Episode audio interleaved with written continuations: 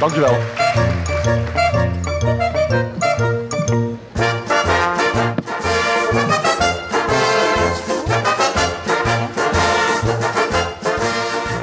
Oké, dank wel voor de vriendelijke introductie. In tegenstelling tot de andere sprekers heb ik mijn uh, speakbriefjes uh, ook zichtbaar voor u, althans voor degenen die het kunnen zien.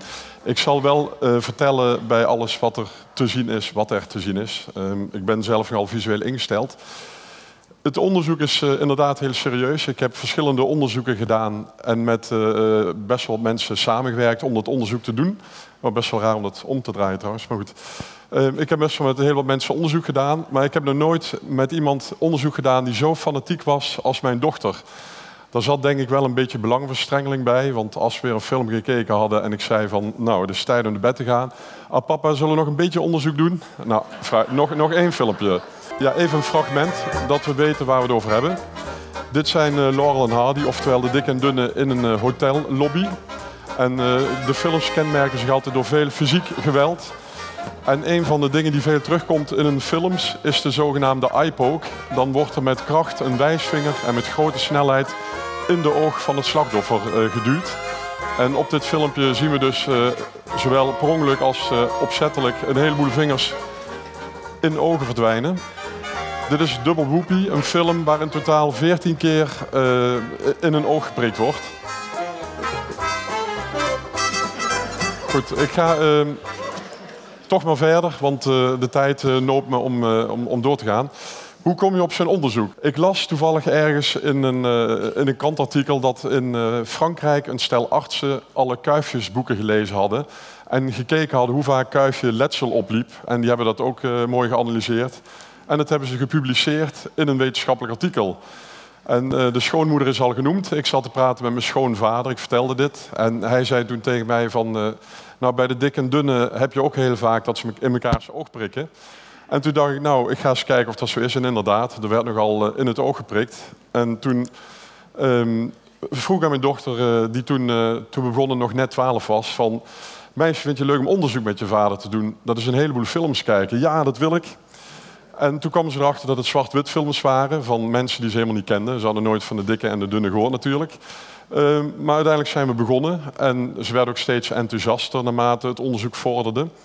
En in het begin uh, was het nog uit de, de, stomme periode, dus zonder geluid in de films. Um, en dat waren korte filmpjes van 20 minuten. Op een gegeven moment, uh, rond 1929, kwam geluid in de film. En toen moesten Dick en Dun in één keer films met geluid gaan maken. Maar dat deden ze ook, alleen die films werden een stuk langer vanaf toen. Dus mijn dochter, een foto van een paar jaar geleden. Ze is nu ondertussen weer wat ouder.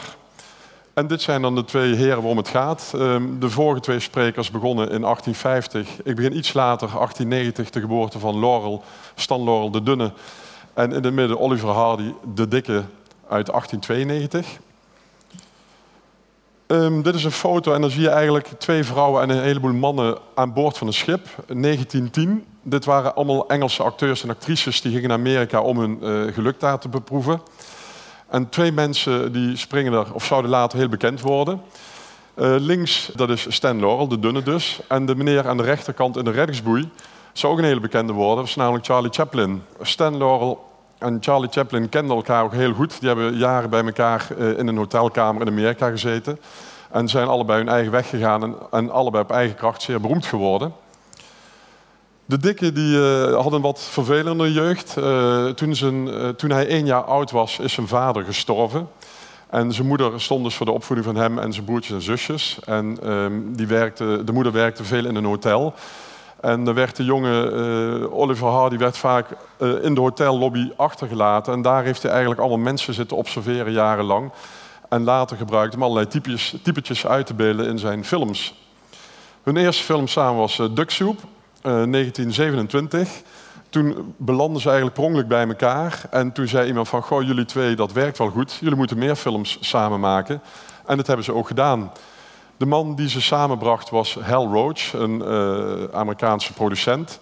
Ja, die bracht hun filmpjes op zo'n niveau dat ze zelfs een Oscar wonnen in 1932 voor de Music Box. Dan moeten ze een piano boven een, uh, een trap opbrengen en dat lukt uiteraard niet. En in 1960 kreeg de dunne Stan Laurel nog een, uh, een Oscar voor zijn hele oeuvre en zijn bijdrage aan de komische films. Ze hebben ook een eigen ster op de Hollywood Walk of Fame.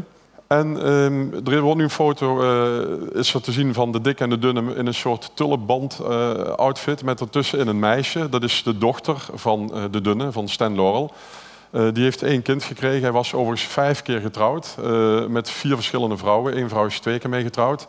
De dikke die is drie keer getrouwd geweest, maar dat is allemaal vrij kinderloos gebleven. Eén dochter slechts is er. Um, dit is de dochter een paar jaar geleden. Zij had overigens een hekel aan uh, de dikke. Want die zag, in haar jeugd zag zij die filmpjes waar de vader altijd werd, uh, uh, door de dikke werd lastiggevallen. Dus ze was ook jaren boos op de dikke. en daarna had ze pas door dat het maar film was. Ik heb haar nog kunnen contacteren um, en ik heb haar gevraagd of haar iets bekend was van echte oogletsels die haar vader misschien opgelopen had tijdens films. Dat kon ze zich niet herinneren. Wel een keer een gebroken enkel heeft de dikke opgelopen bij een stunt die ze zelf uitvoerde. En ze kon zich herinneren, haar vader had diabetes, dat er een keer een eh, bloedvat in het oog gesprongen was. Uh, en toen had de vader dus een grote bloeding. De mevrouw is twee jaar geleden overleden op 89-jarige leeftijd. Er is nu een hele ingewikkelde tabel te zien. Die kun je gelijk weer vergeten. Um, het gaat er eigenlijk een beetje om wie was de veroorzaker en wie het slachtoffer. En als je dan kijkt naar de eerste kolom, zie je dat Laurel drie keer zichzelf uh, een oogletsel heeft toegebracht. We zien dan dat de dunne 30 keer bij de dikke oogletsel heeft toegebracht. En in totaal heeft de dunne 44 keer oogletsel veroorzaakt bij anderen. Dat is bijna de, dat is de helft van alle oogtrauma's. De dikke daarentegen die heeft 9 keer oogletsel bij de dunne veroorzaakt. Maar dan zie je meteen, eh, van die 9 keer was het 7 keer opzettelijk en 2 keer per ongeluk. Bij de dunne was het juist vooral per ongeluk dat die oogletsel veroorzaakt. Hier is een overzicht van alles wat ze in het oog hebben gehad. Dat varieert van uh, vogelpoep, champagnekurk, deur, deurbel, deurmat, vinger, vingers, vuur, vis, vuist, platte hand, een uh, lichaamsvreemd uh, voorwerp, waarschijnlijk een fruitvliegje, een druif, buskruid, haarborstel, hand, handvat van een paraplu, een ladder, jus, koffie met melk en suiker, mengsel van koffie en alcohol, mondwater, bokshandschoen, krant, verf, telefoonhoorn, pindeurklink, punaise, Speeksel, zout, broodje, sneeuwbal, het stuur van een oldtimer, tabak, water, suikerklontje, een dennentak en twee keer een stok. Ook van de meest voorkomende oorzaken heb ik een filmpje gemonteerd en dat zal ik proberen weer live uh, te verslaan. We beginnen met de vingers, die dus 24 keer voorkomen. De dikke wurgt de dunne en die uh, trekt zijn jasje aan en maakt daarbij een onhandige beweging. En dan komt het vinger in de oog van de dikke terecht.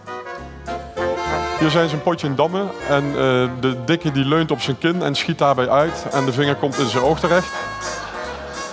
Een soort automutilatie. Hier zijn ze als kinderen verkleed en zijn ze ruzie in maken en hop, een klassieke eyepoke. De vinger gaat in het oog van de dikke.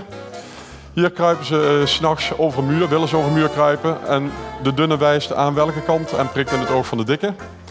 Dan komen de vuisten aan bod. Hier is de dikke in de gevangenis een uh, stoer verhaal op het hangen. Maar een medegevangene vindt dat niks en haalt mega hard uit met zijn rechtervuist op zijn oog. Ja, hier uh, is dan zo'n shot. Uh, Mr. Hardy komt terug van het station, verdrietig, wijzer en duizelig. En dan zie je hem uit een auto stappen met een groot blauw oog. Hij ging naar zijn vrouw toe, maar de vrouw was ergens not amused over en heeft hem een blauw oog gemapt. Hier zien we een eh, agent en er komt een zuster voorbij en dan zegt die meneer tegen die vrouw, shut up. Zeer onbeleefd, de zuster stroopt haar mouwen op. Dan zien we even niet wat er gebeurt. Maar even later zien we de agent uh, voorbij komen met een dik blauw oog. Dus de vrouw was not amused.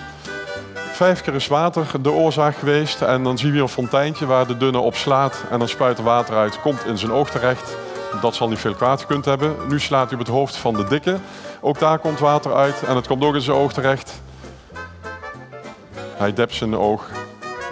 En dan hebben we nog de hand, die een aantal keer de oorzaak is van het trauma. Hier is een orkest. Dit gaat vrij snel, maar er wordt gedirigeerd. En de dunne die raakt een beetje in paniek en die uh, valt van zijn stoel. En bij het naar achterover vallen klapt hij zijn armen uit en slaat hij zijn buurman in het oog terecht. In zijn oog. En hier zijn ze eh, een dronken hardy in het vechten met de dunne. En bij het gevecht dat zich eh, ontspint, eh, wordt op een gegeven moment ook het oog van de dunne geraakt door de dikke.